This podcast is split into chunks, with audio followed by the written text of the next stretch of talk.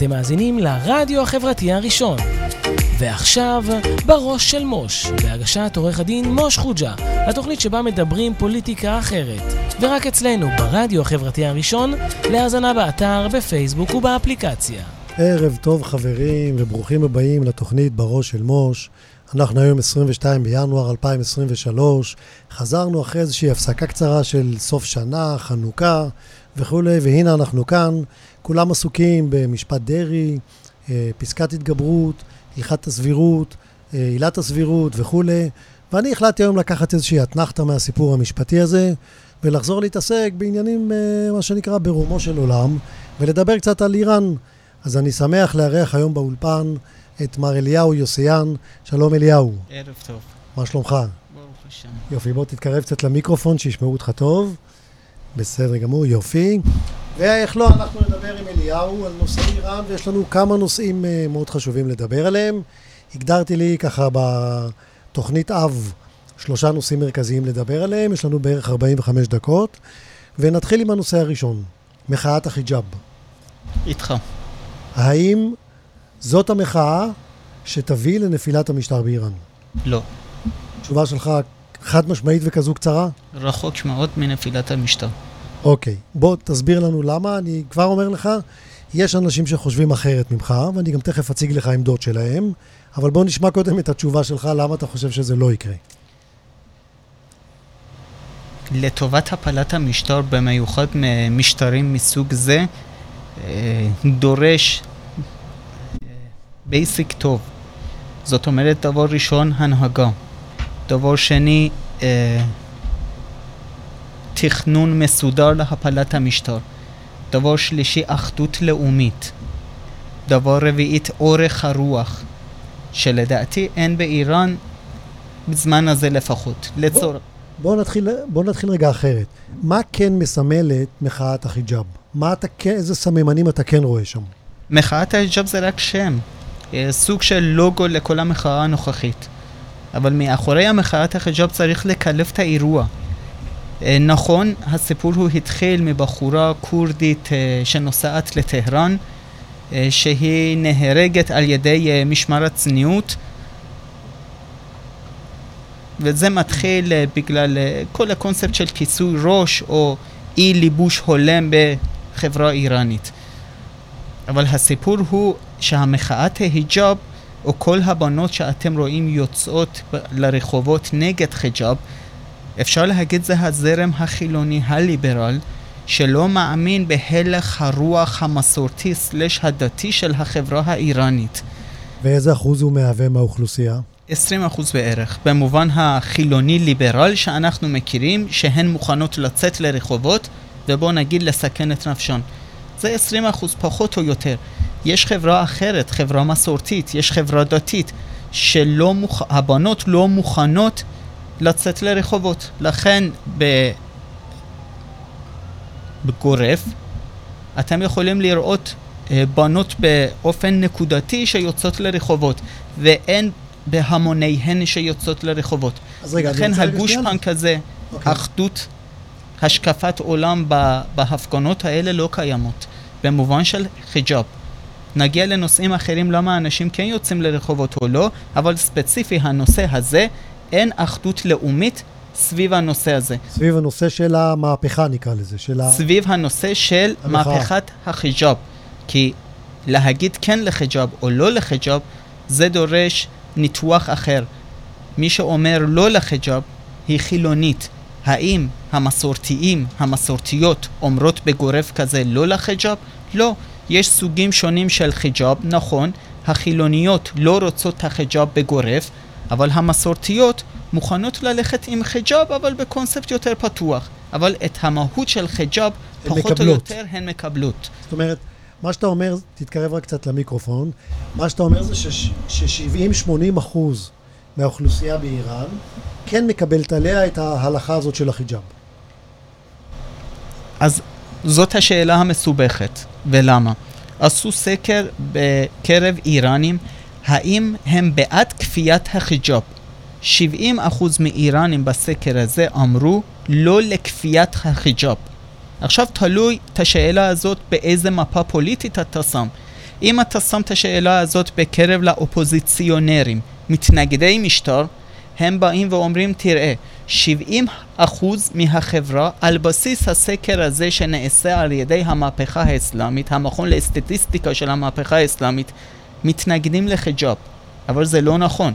הם לא מתנגדים לחיג'אב על בסיס הסקר הזה, אלא 70 אחוז מהחברה האיראנית אומרים לא לכפיית החיג'אב, ולא אומרים לא לחיג'אב. זאת אומרת, השאלה שלך מתחלקת לשניים.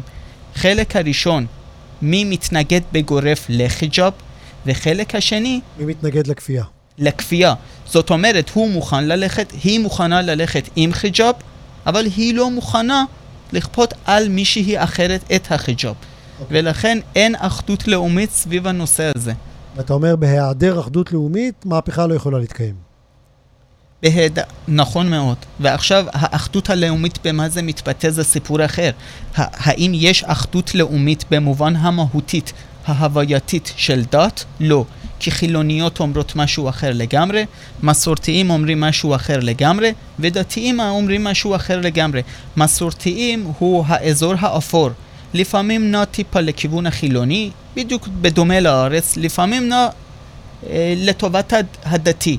הדתי הוא, יש לו עמדה מגובש מאוד, הוא בעד המשטר, הוא לא מוכן לסבור את אי חיג'אב או מועדונים, ברים וכולי, ונשארים החילוניים לבד בזירה במובן המהותי, האידיאולוגי.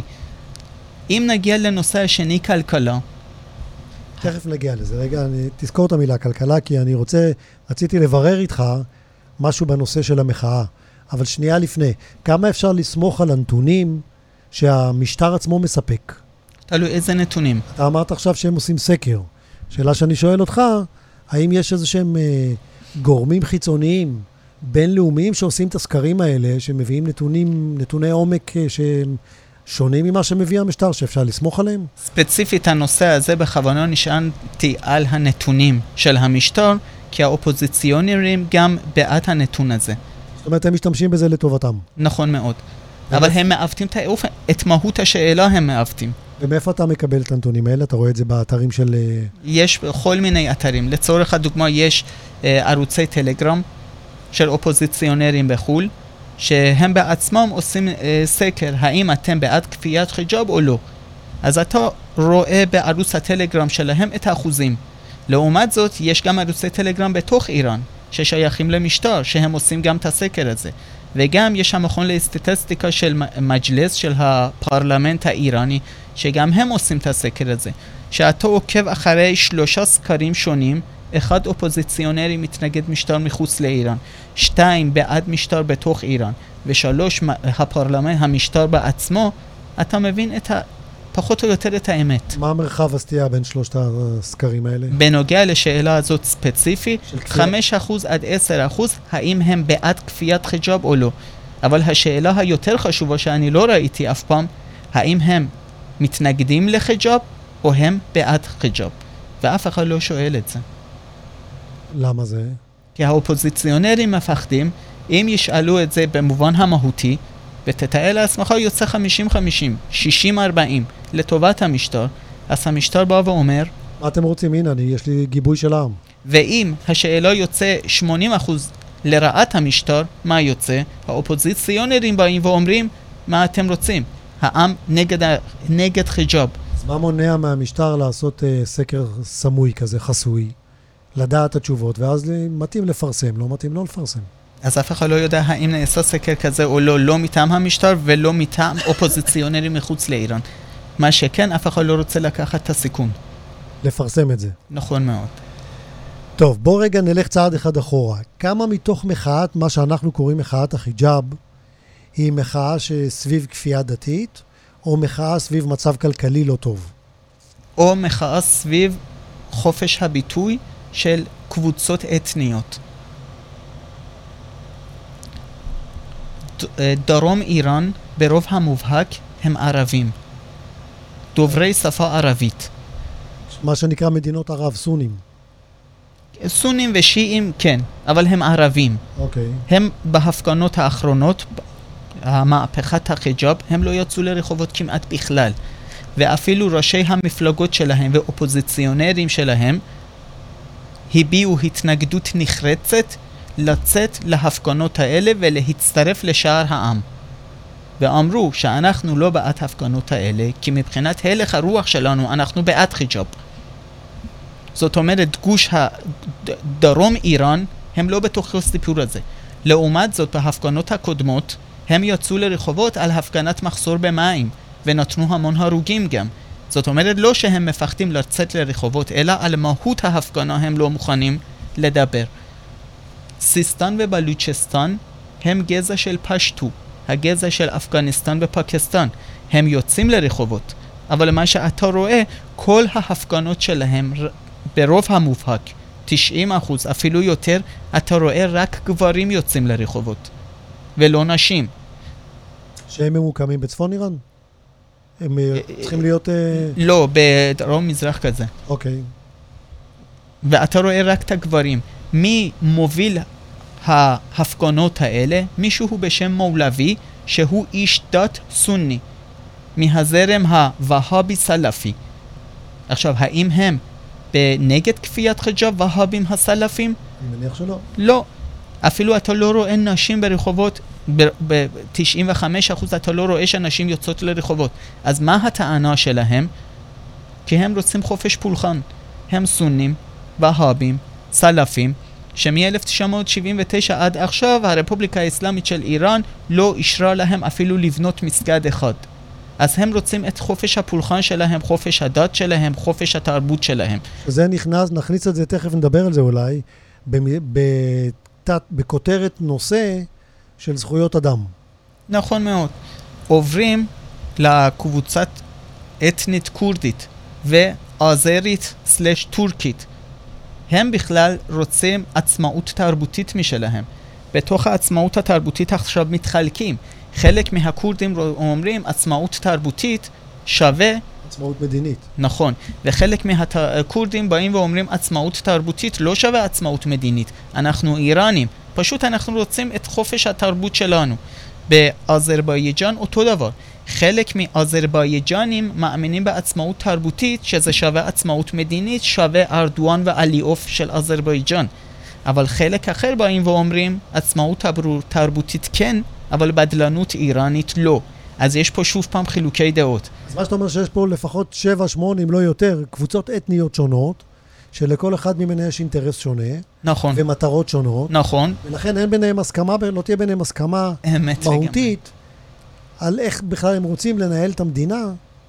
ולאן הם רוצים לקחת אותה, ולכן המהפכה הזו אין לה סיכוי. נכון. זו הטענה שאתה מעלה. ועוד לא, לא נכנסתי לדוברי שפה פרסית. זאת אומרת, העיר, הפרסים, לא קבוצות אתניות.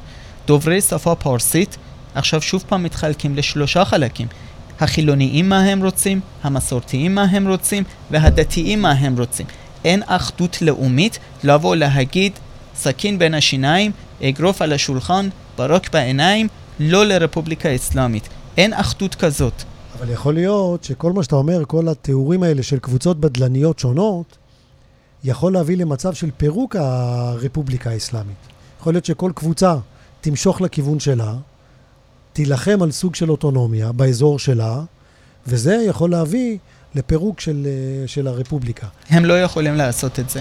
למה? לצורך הדוגמה על... אין להם כוח צבאי מספיק? נכון מאוד. על תפילת יום שישי אחד, שסיסטן ובלוצ'סטן, הפשטו, הסונים וההאבים, סלאפים, יצאו להפגנות. תוך ערב אחד, הרפובליקה האסלאמית, אה, כוחות הביטחון, הרגו 90 אנשים מהם. ודוברי שפה פרסית לא זז אצלהם כלום. חוץ מסיסמאות, הבעת uh, תמיכה בעל פה, אבל מעבר לזה לא קרה. בסננדג', עיר כורדית, שיצאו להפגנות, המשטר העביר טנקים לשם, ולא קרה כלום. א- אין כוח. אז תראה, יש, אה, יש שתי תזות לגבי מה יביא לנפילת המשטר באיראן. אולי יש יותר, לא יודע. אבל אחת מהן, וזה מה שאמר אה, אחד מהיועצים הבכירים של הממשל האמריקאי, שזכויות אדם יכולות להביא לנפילת המשטר. תזה אחרת, שאולי דיברו עליה אה, אה, דוקטור תמר, מה השם המלא שלה? גינדי. גינדי, כן, תכף אני אראה לך את הסרטון איתה. שאומרת שאולי מצב כלכלי. ויכול להיות שהמחאת החיג'אב משלבת שני דברים, גם מצב כלכלי עם מחאה דתית, אנטי-דתית מסוימת. מה לדעתך מהאפשרויות האלה יכול להביא נפילת המשטר או אף אחת מהן? קודם כל צריך לשלול את מה לא ולמה לא, ואז הרבה יותר קל להגיע למה כן. חלק הראשון שלו, בואו נניח אה, חמש, ארבע אלף שנים היסטוריה, אימפריה איראנית, כולל השבטים וכולי. יום אחד בממלכה האיראנית, האומה האיראנית, בכל גווניה, לא ראו דמוקרטיה. זה לא במקרה. האומה הזאת לא בנויה לדמוקרטיה בסגנון שהאמריקאים קוראים לזה דמוקרטיה מערבית. הטעות האמריקאית במזרח התיכון כל פעם חוזרת על עצמה. הפילו את סדאם חוסיין, בעבר גם דיברנו על זה, וחשבו שהם מביאים על גב הטנקים שלהם דמוקרטיה לאומה העיראקית. הפילו את סדאם, העבירו את האומה לקלפיות, והם בחרו את מי שבחרו. לא הייתה דמוקרטיה. מובארק נפל, האומה המצרית עברה לקלפית, לא בחרו בדמוקרטיה. בעזה אותו דבר לא בחרו בדמוקרטיה. מזרח תיכון זה לא המקום שמתאים לדמוקרטיה. כל מי שמשלה את עצמו בקצה השני של העולם ובא עם נוסחאות שלו והשקפת עולם שלו, הוא חי בסרט. פשוט מאוד. יש אלפי שנים היסטוריה איראנית ואף פעם הם לא ידעו מה זה דמוקרטיה. לא במובן ההבנה שהם לא יודעים, אלא במובן האמונה שהם לא מאמינים. הסרגל הערכים... הם לא מאמינים או שהם חיים בחברה לא דמוקרטית והם חיים, חיים עם זה טוב? אין להם צורך, אין להם צורך בכלל לחברה דמוקרטית. אז עוד יותר גרוע, ברגע שאין לי צורך, למה אני מרגיש אין לי צורך? ב... לצורך הדוגמה, דוגמה הכי פשוטה שיש. בחורף אתה לא הולך לקנות מגפיים. אתה אומר, אין לי צורך. למה? כי לא קר לך. אז אתה לא רואה צורך למגפיים. הם לא רואים צורך לדמוקרטיה, כי לא מפריע להם מינוס דמוקרטיה. לכן, זה השקפת עולם. האיראני לא יכול לקבל, לצורך הדוגמה, שהבחורה שלה, שלו בוחר בעצמה בלבד, ועל בסיס ההחלטה שלה בלבד. את הבן זוג שלה? נכון מאוד. אוקיי? יש הוויה קולקטיבית. מה אבא אומר, מה אימא אומר, מה אני חושבת, ו ו ו, שההוויה הקולקטיבית הזאת משאיר את הקולקטיב בסדר עדיפות עליונה ואת האינדיבידואל המערבית, האני, בסדר עדיפות השנייה. יש זכויות אזרח. האם בהאים לצורך הדוגמה הם שווי ערך לחלוטין 50-50 מול המוסלמים באיראן? ממש לא. התפיסת העולם האיראני לא בנויה לשווה, לשוויון. אבל השאלה היא, זה הבנתי. ולכן בשביל דמוקרטיה, קודם כל אתה צריך להאמין שכולם שווים. זה היסוד של דמוקרטיה. ברגע שאני בתפיסת עולם שלי לא מאמין שאני ואתה שווי ערך... מה, בהיררכיה, בתפיסה האיראנית זה, זו תפיסה פטריארכלית? שהאבא נחשב יותר מהאימא והאבא נחשב יותר מהילד? תלוי באיזה תקופה, לפני הגעת אסלאם או אחרי הגעת אסלאם. לפני הגעת אסלאם, נשים וגברים אפשר להגיד במידה רבה היו שווים, ואפילו היו מלכים נשים, לא אשתו של מלך. מלכה. מלכה לא במובן של אישה של מלך, אלא... כן, לא קונסורט באנגלית, נכון. קווין. אחרי הגעת אסלאם, אה, בוא נגיד האסלאם הערבי, הסוני, השמי, השפיע עליהם הרבה. מה שכן, בימינו, נכון, הם לא בנויים לדמוקרטיה המערבית שהאמריקאים מצפים שיהיה. אז בואו ניקח, בוא ניקח את זה רגע לפן הפרקטי. בחורה גדלה, איפה אתה באת מאספהאן, נכון? נכון. גדלה באספהאן, בת 23, רוצה להכיר בחור, רוצה להתחתן, להקים בית. היא תבחר את הבן זוג שלה, או שאבא שלה יבוא ויגיד לה, הנה, מצאתי לך שידוך, את תתחתני איתו והיא תקבל את זה באהבה? שאלה מצוינת. אתה תלוי באספהאן הזה, אתה חילוני, מסורתי או דתי. אם אתה דתי, סביר להניח שאבא מכיר. שיש לי בן, בואו תכירו אחד את השני. כמו שהיה מקובל אצלנו, שידוך, האבא מחליט, מביא משפחה טובה. נכון. עכשיו, אם הבחורה לא רוצה בתיאום ושיח בין בחורה להורים, יכול לי... לא, יכול להיות ההורים באים ואומרים, סליחה, לבחור אתה לא מתאים, הבחורה שלנו לא רוצה. אבל יש, צריך להיות איזו אחדות משפחתית לבוא להגיד לבחור לא, ולא בא בלבד מטעם הבחורה הדתייה. לעומת זאת במסורתי... רגע, רגע, רגע. אבל מה קורה אם יש מחלוקת בין האבא לבת? אם הבת לא רוצה והאבא חושב שהבחור כן מתאים. תלוי במשפחה. תלוי כמה אתה בפריפריה, תלוי באיזה שיח חברתי בתוך הבית אתה קיים. בתוך הערים זה שונה מאשר בחוץ? חד וחלק. לצורך הדוגמה, בערים דוברי שפה פרסית, יש שיח הרבה יותר פתוח. לעומת זאת, בסיסטן ובלוצ'סטן, שהם סונים והאבים סלאפים, אין שיח אפשר להגיד כמעט. אז יכול להיות שעוד 50 שנה כל השיח הזה ישתנה ויהפוך להיות יותר פתוח ויותר מערבי. אם, אם אלפי שנים לא השתנה, אז אני לא מאמין שעוד 50 שנה ישתנה עד כדי כך באופן דרסטי.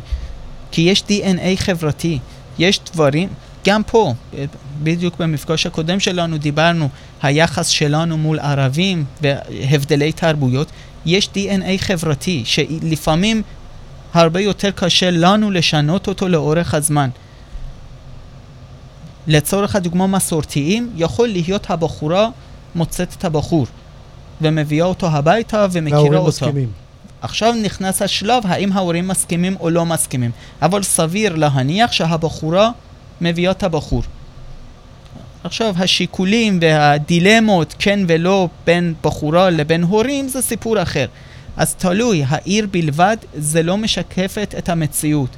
מה שכן, מה שהאמריקאים אומרים, שוב פעם מביאים את סרגל הערכים שלהם ומודדים אותם. פעם הקודמת מדדו את עיראק וראינו מה יצא, מדדו את מצרים, ראינו מה יצא, אנחנו מדדנו את uh, עזה וראינו מה יצא. הפעם רוצים לעשות, uh, להלביש את הדמוקרטיה המערבית על איראן. אז, חלק... אז תראה, אה, אז אתה אומר שסרגל הערכים המערבי לא מתאים לחברה האיראנית. לא מתאים בכלל למזרח התיכון. אוקיי, זה רחב יותר, אבל uh, כרגע גם לאיראן, ולכן אין לו סיכוי להתקיים שם. נכון מאוד. ומהפכת uh, החיג'אב היא מהפכה שלא מייצגת את חתך רוחב בעם, היא מייצגת uh, חתכים קטנים, אוכלוסייה קטנה ואין לה בסיס רחב בשביל להתקיים. אם אתה נשען על מילה של חיג'אב, שהוא מהותי אידיאולוגי, נכון. אז מה כן יכול להביא למהפכה באיראן, אם בכלל? כלכלה. רק כלכלה. ואת זה האמריקאים כן מבינים. ואת זה טראמפ הבין, ולא האמריקאים. מסביר.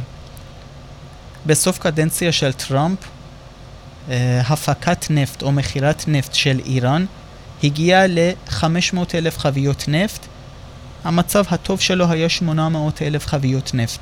הרזרבות הכספיות, התזרים הכספי של בנק המרכזי, כמעט הלך להיגמר, והיו מגיעים לקטסטרופה.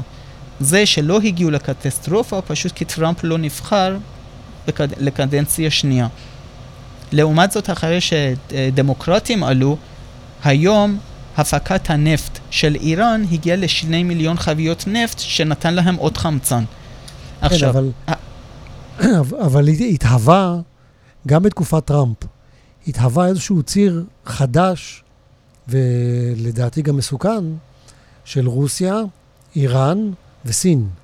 איראן... כל, כל, ה, כל הכסף שהיה אמור להתקבל מהמערב, האיראנים פיתחו איזשהו שוק אלטרנטיבי דרך בשוק הסיני, וזה גם נתן להם חמצן. כן ולא, כי אה, סין ורו... בעיני סין ורוסיה, אפשר להגיד, אה, איראן זה קלף מיקוח מול מערב. בכל רגע נתון שאיחוד האירופי או האמריקאים משחררים יותר uh, תנאים לרוסיה ולסין, אז uh, הם מתעדפים את איראן פחות. זה לא אומר שיש יחסי שווה בשווה בין רוסיה, סין ואיראן. אלא סין ואיראן, אה, סין ורוסיה הופכות את איראן לקלף מיקוח בזירה בינלאומית. ולכן אף פעם לא, הייתה, לא היה לאיראן יציבות כלכלית מול רוסיה וסין, וזה שונה לגמרי. איראנים חתמו שני הסכמים מול רוסיה וסין 20 שנה ו-25 שנה. כמעט 50 שנה הסכם כלכלי מול שתי המעצמות.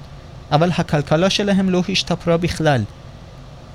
ולזה יש אינסוף סיבות. אבל השאלה אם הסינים לא יכולים להרים את הכלכלה האיראנית. הם לא רוצים להרים את הכלכלה האיראנית. כי ברגע שהם יערימו את הכלכלה האיראנית, הסינים, הסינים לא יצליחו לסחוט את איראנים כפי שסוחטים היום. רק נותנים לרפובליקה האסלאמית חמצן שהיא לא תמות. ולא במובן של לפתור את הבעיות. לצורך הדוגמה, אחוזי ילודה באיראן היום, בגלל המצב הכלכלי האקוטי, הוא 0.7. אחוזי ילודה, 0.7. אם אתה שם את אחוזי תמותה באיראן, לצד אחוזי יציאה של הנוער מאיראן, זאת אומרת אחוזי ילודה באיראן שווה 0 אחוז. תראה, okay. בשביל חברה, yeah. בשביל לשמר את עצמה, בשביל להישאר באותה רמה של אה, גודל אוכלוסייה, צריכה ילודה של 2.3. ואיראן היום עומדת על 0 כמעט. אני מוסיף מעבר לזה, גיל הנישואין אצל בנים הגיע ל-35 ואצל בנות כמעט 30. גם בחברות הדתיות? נכון, נכון. זאת אומרת, כן ולא. אני מדבר על הממוצע הארצית, אוקיי? ולא על חתך אוכלוסין.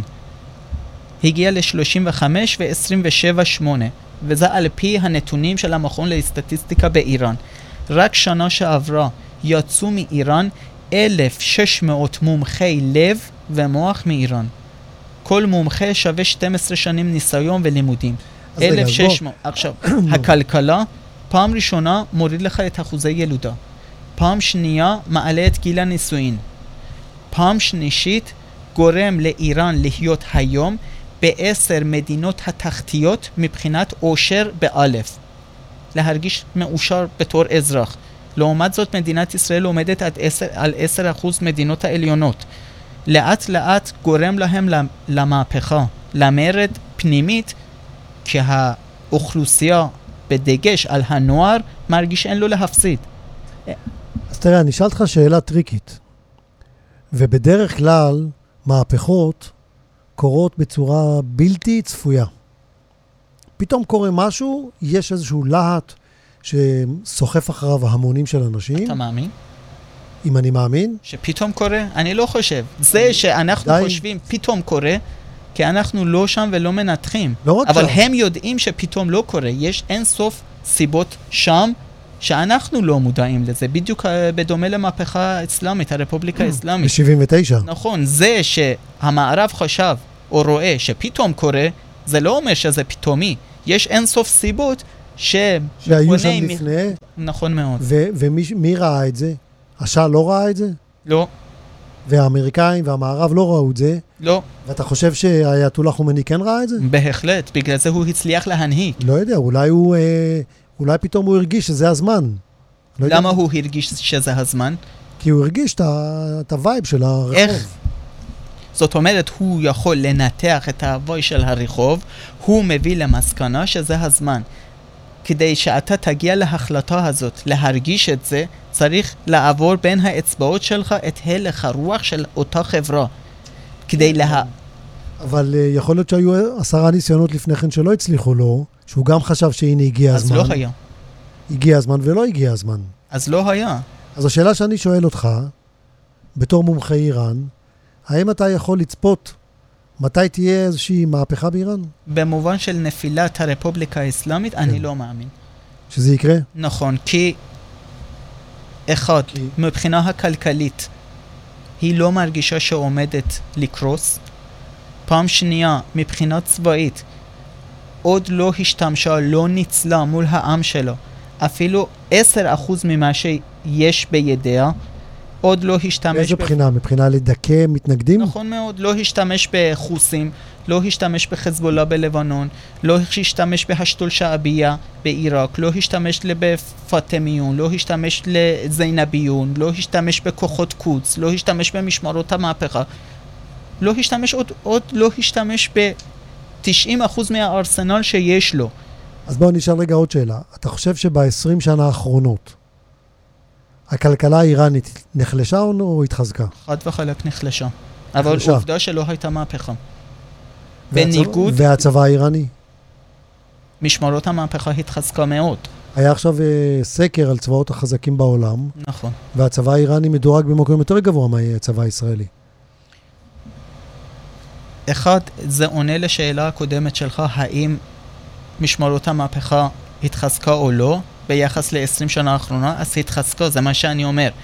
דבר שני, החוזק הצבאי מול ישראל זה לא נמדד רק על בסיס האלמנטים שיש.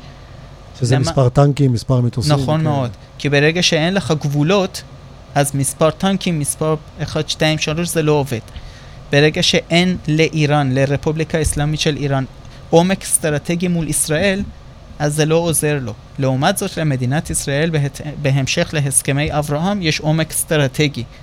יש טכנולוגיה הרבה יותר, נכון, הרבה יותר uh, uh, טכנולוגיה משוכללת.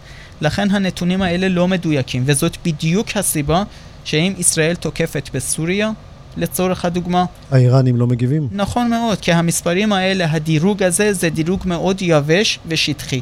מה שכן, משמרות המהפכה ביחס ללפני 20 שנה התחזקה, נכון, אבל לא מול ישראל ולא ביחס לנתונים אחרים שישראל מחזיקה אבל ביד. אבל מבחינה טכנולוגית, הם, אה, עובדה היא שהם אה, הפכו להיות ספקים מספר אחד של, אה, של רחפנים לרוסיה במלחמת אוקראינה. כן ולא.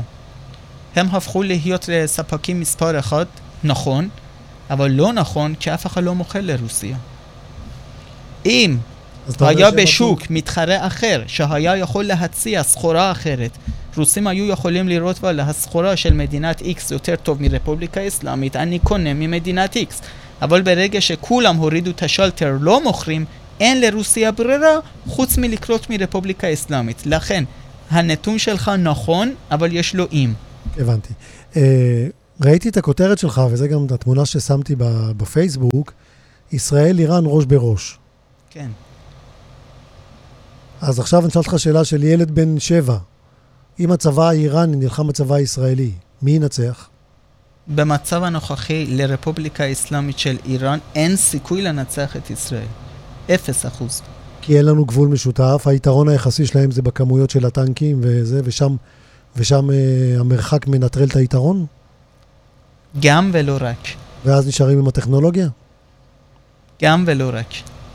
אבל יש עכשיו... כסף של איחוד, יש אה, כסף של הסכמי אברהם שהם מוכנים לממן את המלחמה. יש איראן מיליון 700 אלף קילומטר מרובע בערך. לעומת זאת, רק סעודיה כמעט 2 מיליון 500 אלף קילומטר מרובע, רק סעודיה. זאת אומרת, העומק האסטרטגי שיש למדינת ישראל הוא כל מזרח התיכון.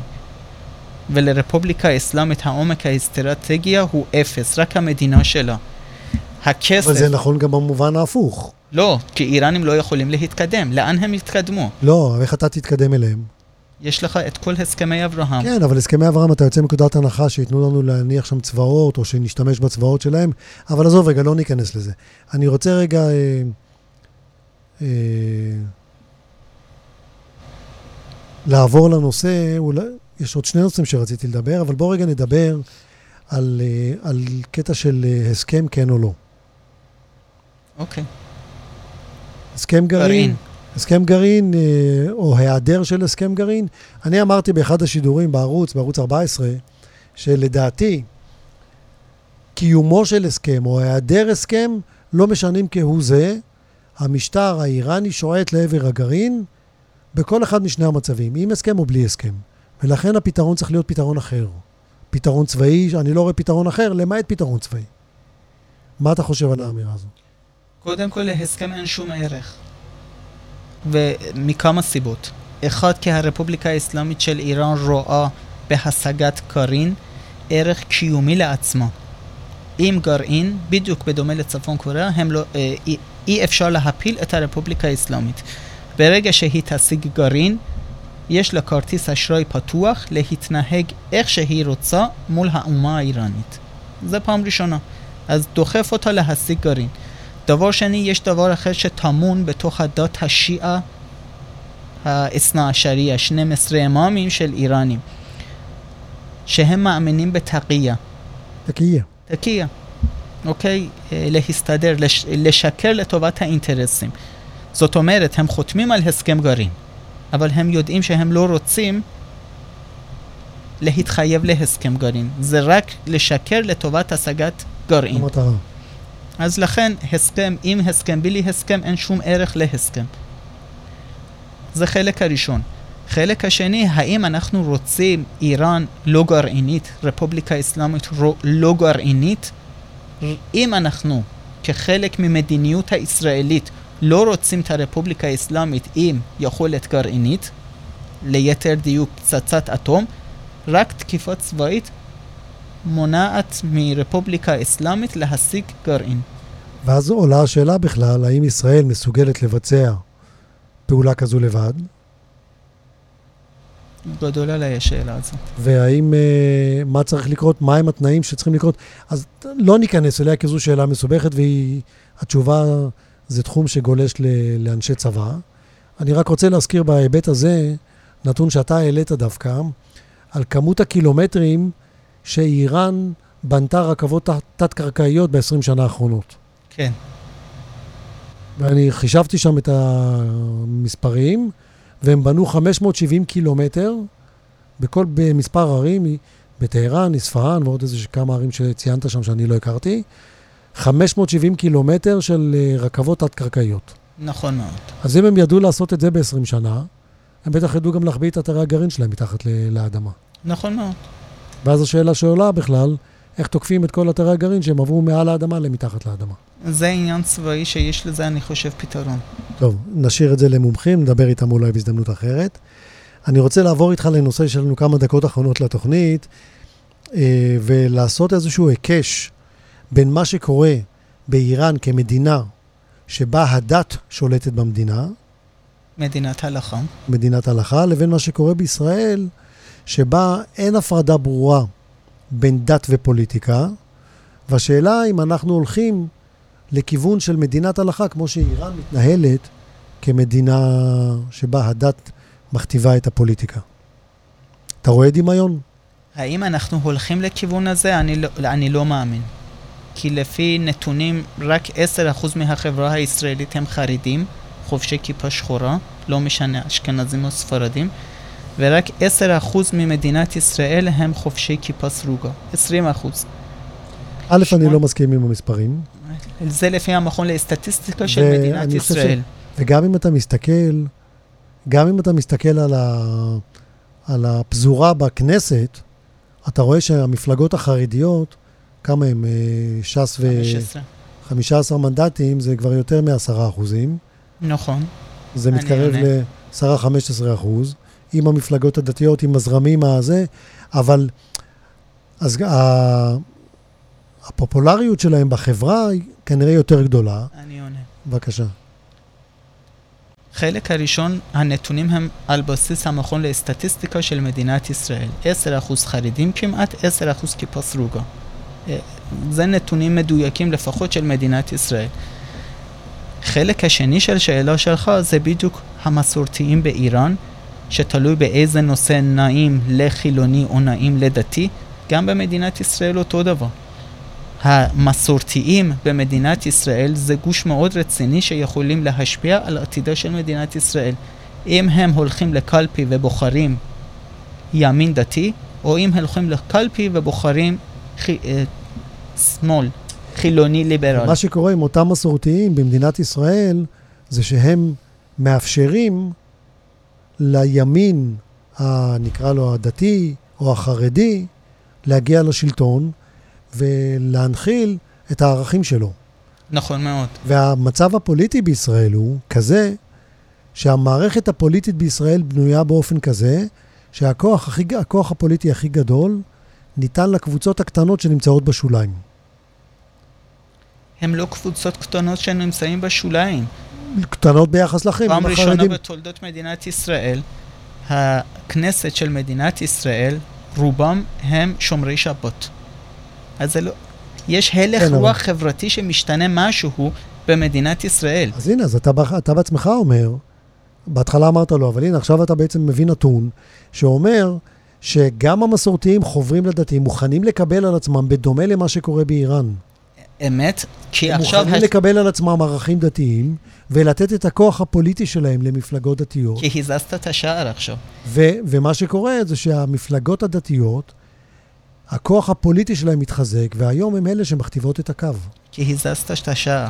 חלק הראשון של שאלה שלך, שאלת האם מדינת ישראל יכולה להיות מדינת הלכה. אבל חלק השני של שאלה שלך, איפה החברה המסורתית משחקת? זה שני נושאים שונים. חברה מסורתית, אם, מרגישה, אם היא מרגישה מאוימת, היא שוברת ימינה. גם במובן הלאומי וגם במובן הדתי. למה הפעם החברה המסורתית שברה ימינה עד כדי כך? בגלל הממשלה הקודמת אה, של מנסור עבאס וכיפה סרוגה והחילוניים. כל עוד החברה המסורתית תרגיש מאוימת במובן המסורת והלאום, החברה תשבור עוד יותר ימינה. זאת אומרת, אם היום החברה המסורתית בחרה בדתיים, בגלל שהיא הייתה מאוכזבת מאוד מהקואליציה הקודמת של מרץ, מנסור עבאס עם כיפה סרוגה. תראה, קודם כל אני לא... יש ענייני של אכזבה גם בקרב החברה הישראלית. קודם ש... כל אני לא מסכים עם הדבר הזה, ואני אגיד לך גם למה. כי אם הולכים לנתוני הבחירות ובודקים מספרית, נומינלית, כמה אנשים בחרו נגיד בביבי וכמה אנשים בחרו בגוש לא ביבי, רק לא ביבי, המספרים הם זהים. הם 2 מיליון 350 אלף, לעומת 2 מיליון 311 אלף. הפער בין שתי הקבוצות האלה לא היה כזה גדול. ההתפלגות של המספרים האלה בתוך המפלגות נבעה לא בגלל ההפרשים הנומינליים, אלא בגלל עברו אחוז חסימה, לא עברו את אחוז החסימה. זה מה ששיחק לידיים של גוש הימין בבחירות האלה. לא בטוח שנכון לתת לזה פרשנות, כמו שאתה אומר, שהעם נטוי ימינה. לא בטוח שהעם נוטה ימינה, כמו שההתפלגות בפוליטיקה יצרה את הסיטואציה הזאת. אני רוצה לתת דוגמה. מייסדי מדינת ישראל היו מפאיניקים, הזרם החילוני האתאיסט. מפלגת עבודה, כמה מנדטים יש להם היום? מפלגת עבודה. חמישה, שישה. ומפלגת מרץ התאדה לגמרי. לעומת זאת, עוצמה יהודית והבית היהודי, כל הקונספט הזה, 15 מנדטים יש להם כמעט. מה השתנה בחברה? שמפלגת עבודה, המפאיניקים, מייסדי מדינת ישראל, בקושי עוברים אחוז חסימה, ומצד שני, הימין שבימין שבימין מקבל 15 מנדטים. כן. השתנה משהו בחברה הישראלית. זה בדיוק מה שאני אומר. אני מסכים עם זה שהשתנה משהו. אני מסכים עם זה שהזרם החילוני במדינת ישראל הולך וקטן. והשאלה שאני שאלתי היא האם, מזה התחלתי, בהינתן שזו המגמה, אם זו המגמה, יכול להיות האם, מדינת ישראל... האם אנחנו בכיוון של מדינת ישראל הופכת להיות מדינה שהדת מכתיבה את המדינה? אם המגמה הזאת תימשך, כן. ו- וזה מוביל אותי למהלכים שדיברו עליהם בהסכמים הקואליציוניים. יהדות התורה רוצה לחוקק חוקים שבמהותם הם חוקים דתיים, כמו חוק, אה, לא, חוק אה, יסוד התורה. עכשיו זה מתחלק לשניים. בשלב הנוכחי, אם הם ימשיכו להעביר חוקים מסוג זה, הם מאבדים את המסורתיים.